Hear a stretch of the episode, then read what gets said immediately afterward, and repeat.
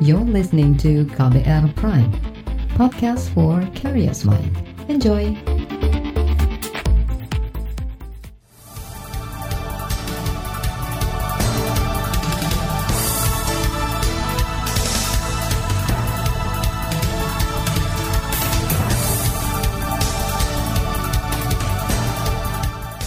Selamat pagi saudara, kembali kami menjumpai Anda melalui program Buletin Pagi KBR edisi Selasa 25 Februari 2020 bersama saya Friska Kalia.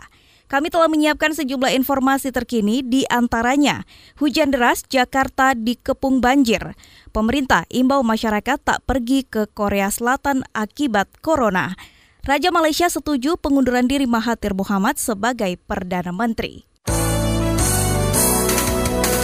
terbaru di Buletin Pagi.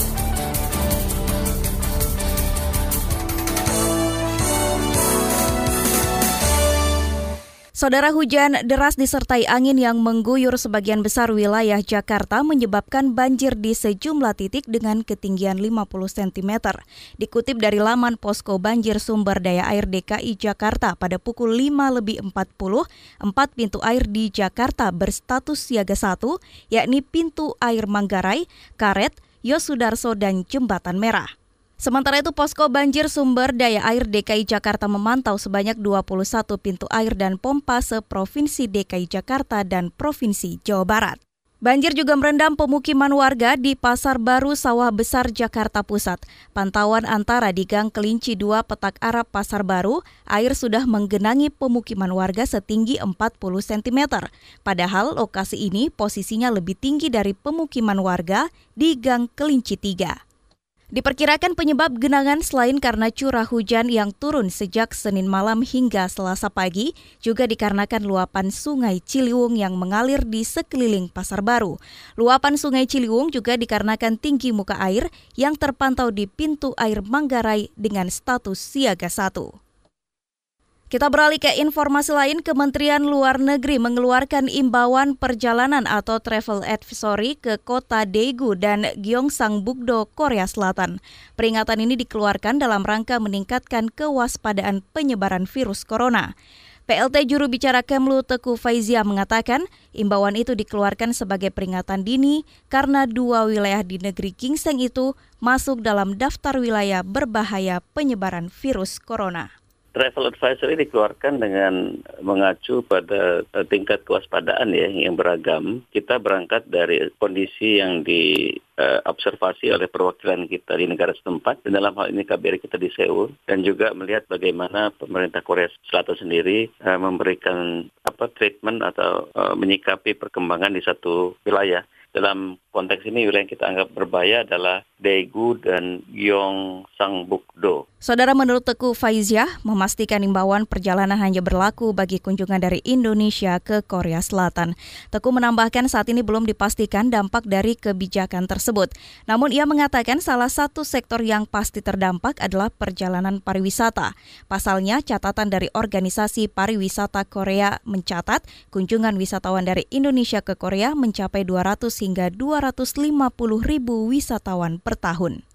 Sementara itu, Asosiasi Perjalanan Wisata Asita memperkirakan imbauan perjalanan ke Korea Selatan yang diterbitkan oleh Kementerian Luar Negeri bakal berdampak terhadap sejumlah perjalanan ke negeri Gingseng.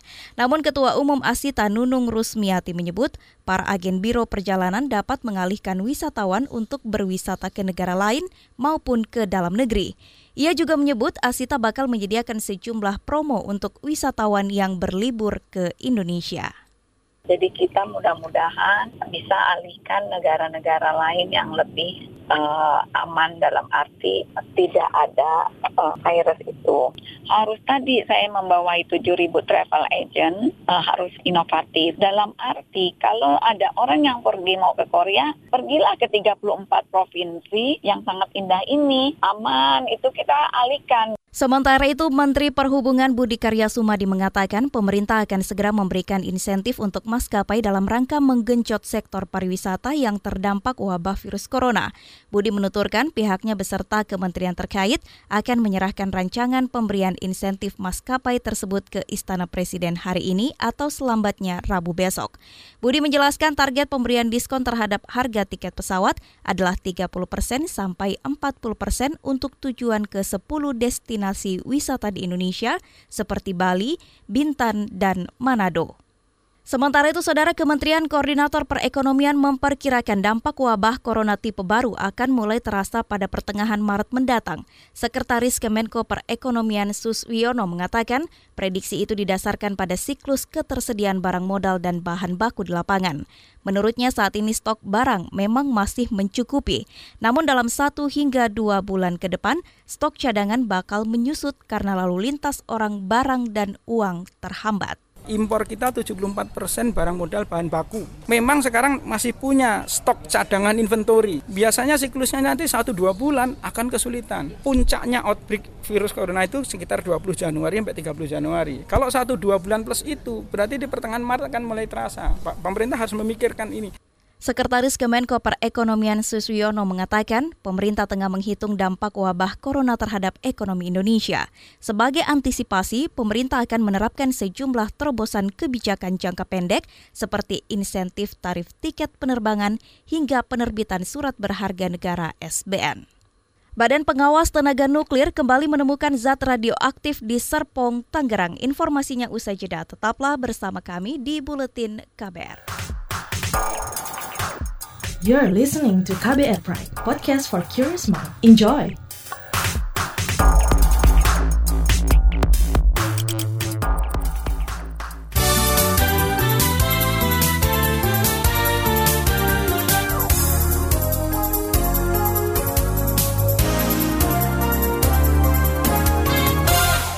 Anda sedang mendengarkan buletin pagi KBR. Siaran KBR mengudara melalui lebih dari 500 radio jaringan di Nusantara.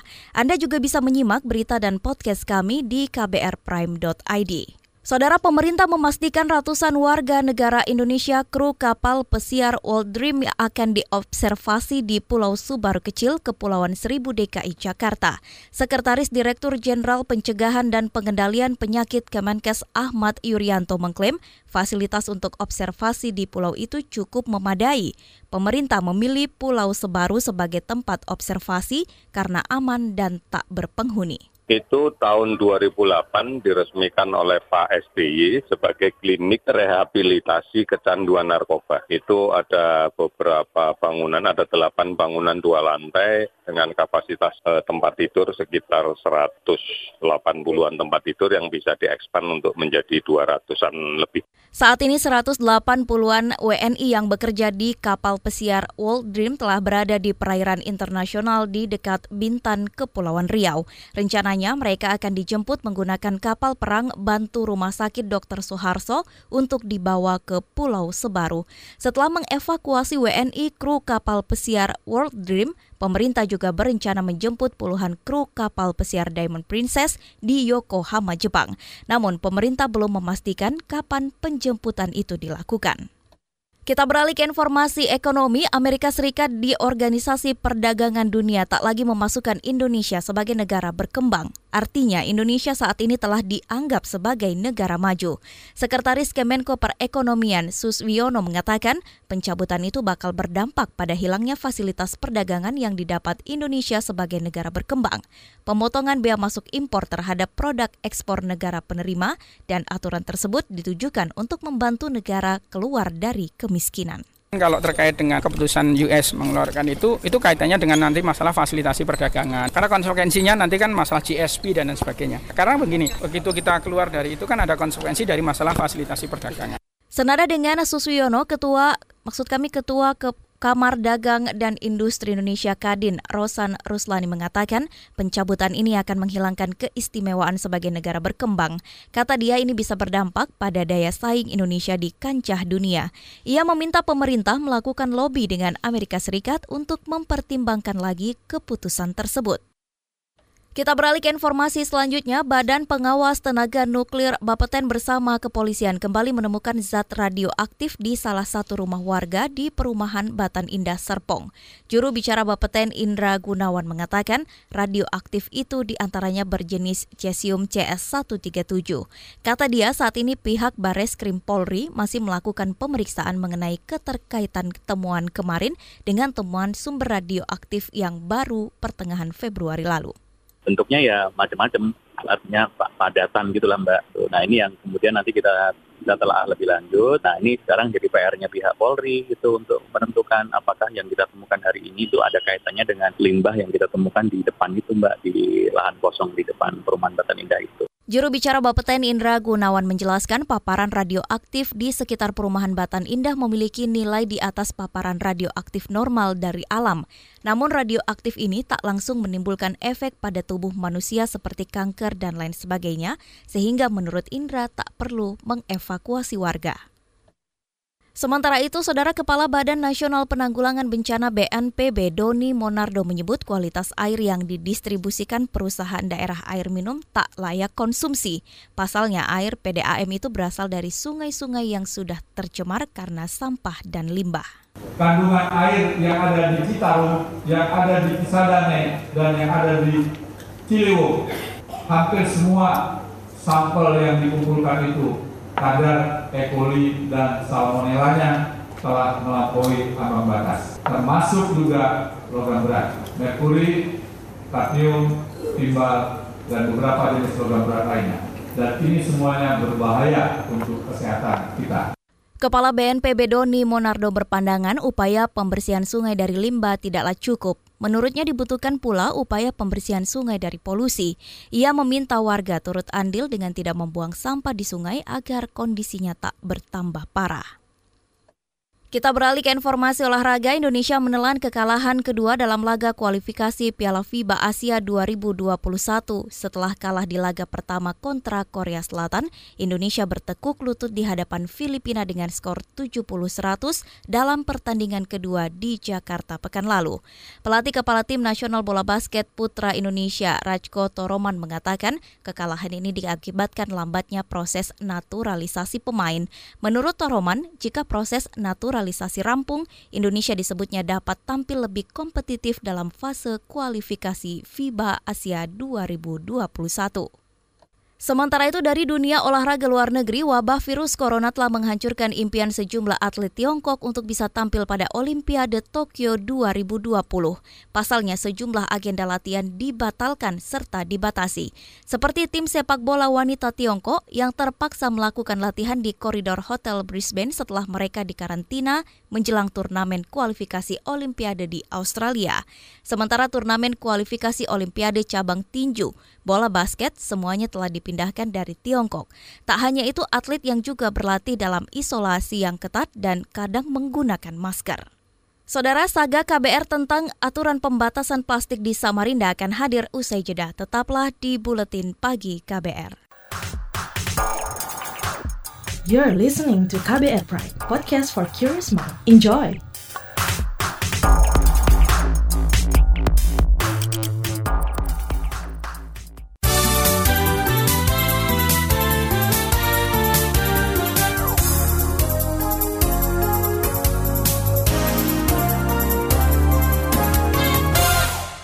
Terima kasih Anda masih mendengarkan Buletin Pagi. Saatnya kita simak Saga KBR. Saudara kantong plastik sudah jadi barang terlarang di Samarinda, Kalimantan Timur. Sejak awal tahun 2019, Pemkot Samarinda mulai memperlakukan aturan yang mendukung gerakan diet plastik. Peraturan itu keluar seiring desakan sejumlah aktivitas lingkungan.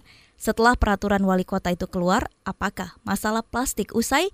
Jurnalis KBR Sindu Darmawan mengikuti pergerakan yang dilakukan Maulana Yudhistira. Tempat pembuangan akhir TPA Bukit Pinang Samarinda mulai bergeliat. Para pekerja memilah dan mengatur sampah. Pemulung sibuk di tengah gunungan sampah. Truk sampah lalu lalang bongkar muatan dari kejauhan terlihat asap putih pekat dari sampah yang terbakar. Dari 800 ton sampah yang dihasilkan warga Samarinda, hanya 500 ton yang masuk TPA seluas 10 hektar ini.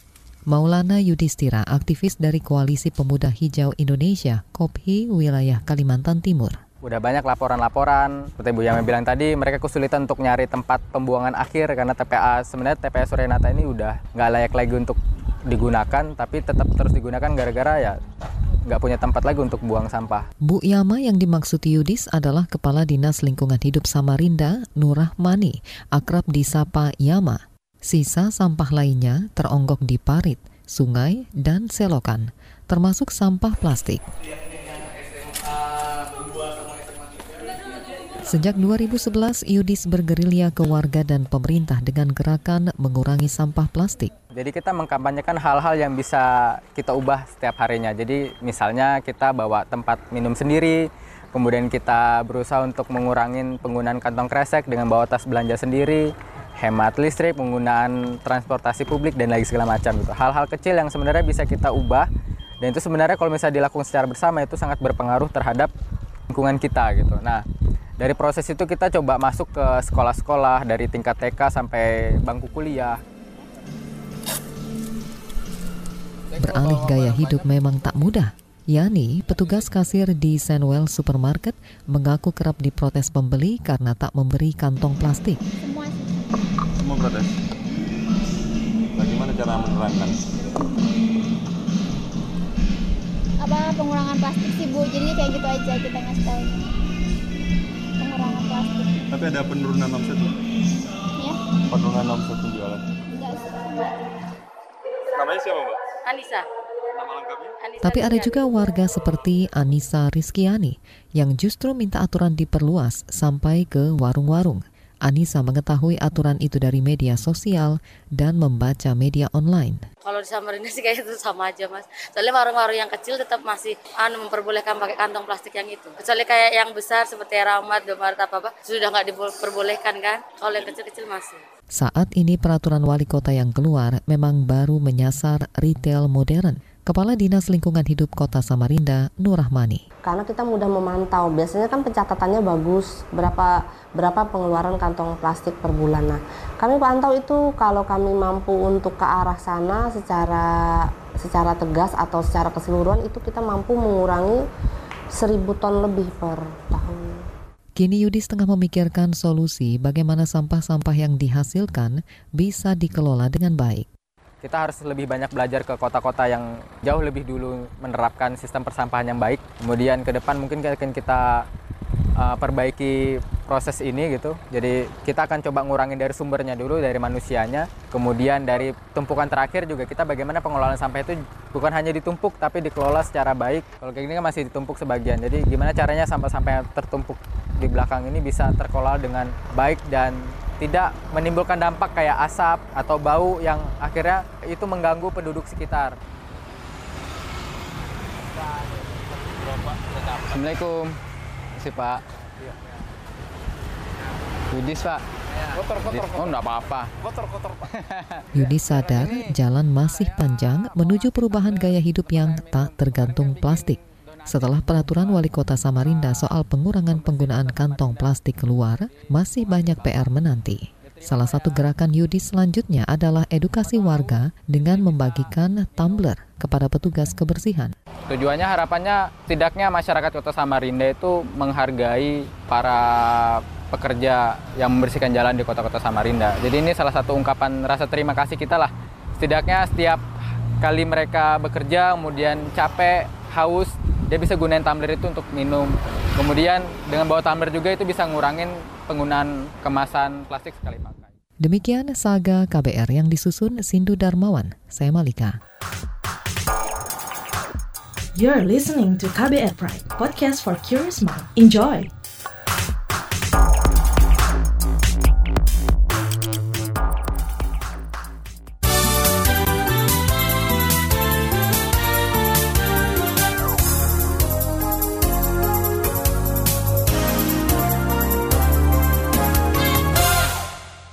Anda mendengarkan bagian akhir buletin pagi KBR. Saudara Raja Malaysia menyetujui permohonan pengunduran diri yang diajukan Perdana Menteri Mahathir Muhammad. Namun Raja Abdullah memutuskan agar Mahathir melanjutkan tugasnya sebagai Perdana Menteri sementara untuk membentuk kabinet baru. Raja menyampaikan keputusan itu setelah berdialog dengan Mahathir. Mahathir akan menjabat sebagai PM sementara selama 10 hari ke depan.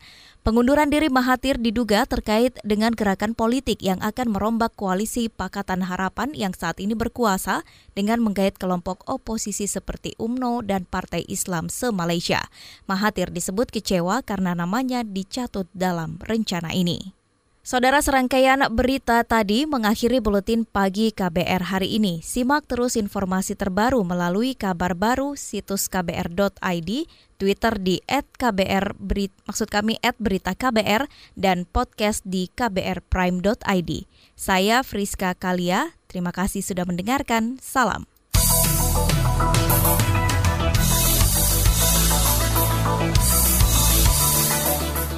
KBR Prime, cara asik mendengar berita. KBR Prime, podcast for curious mind.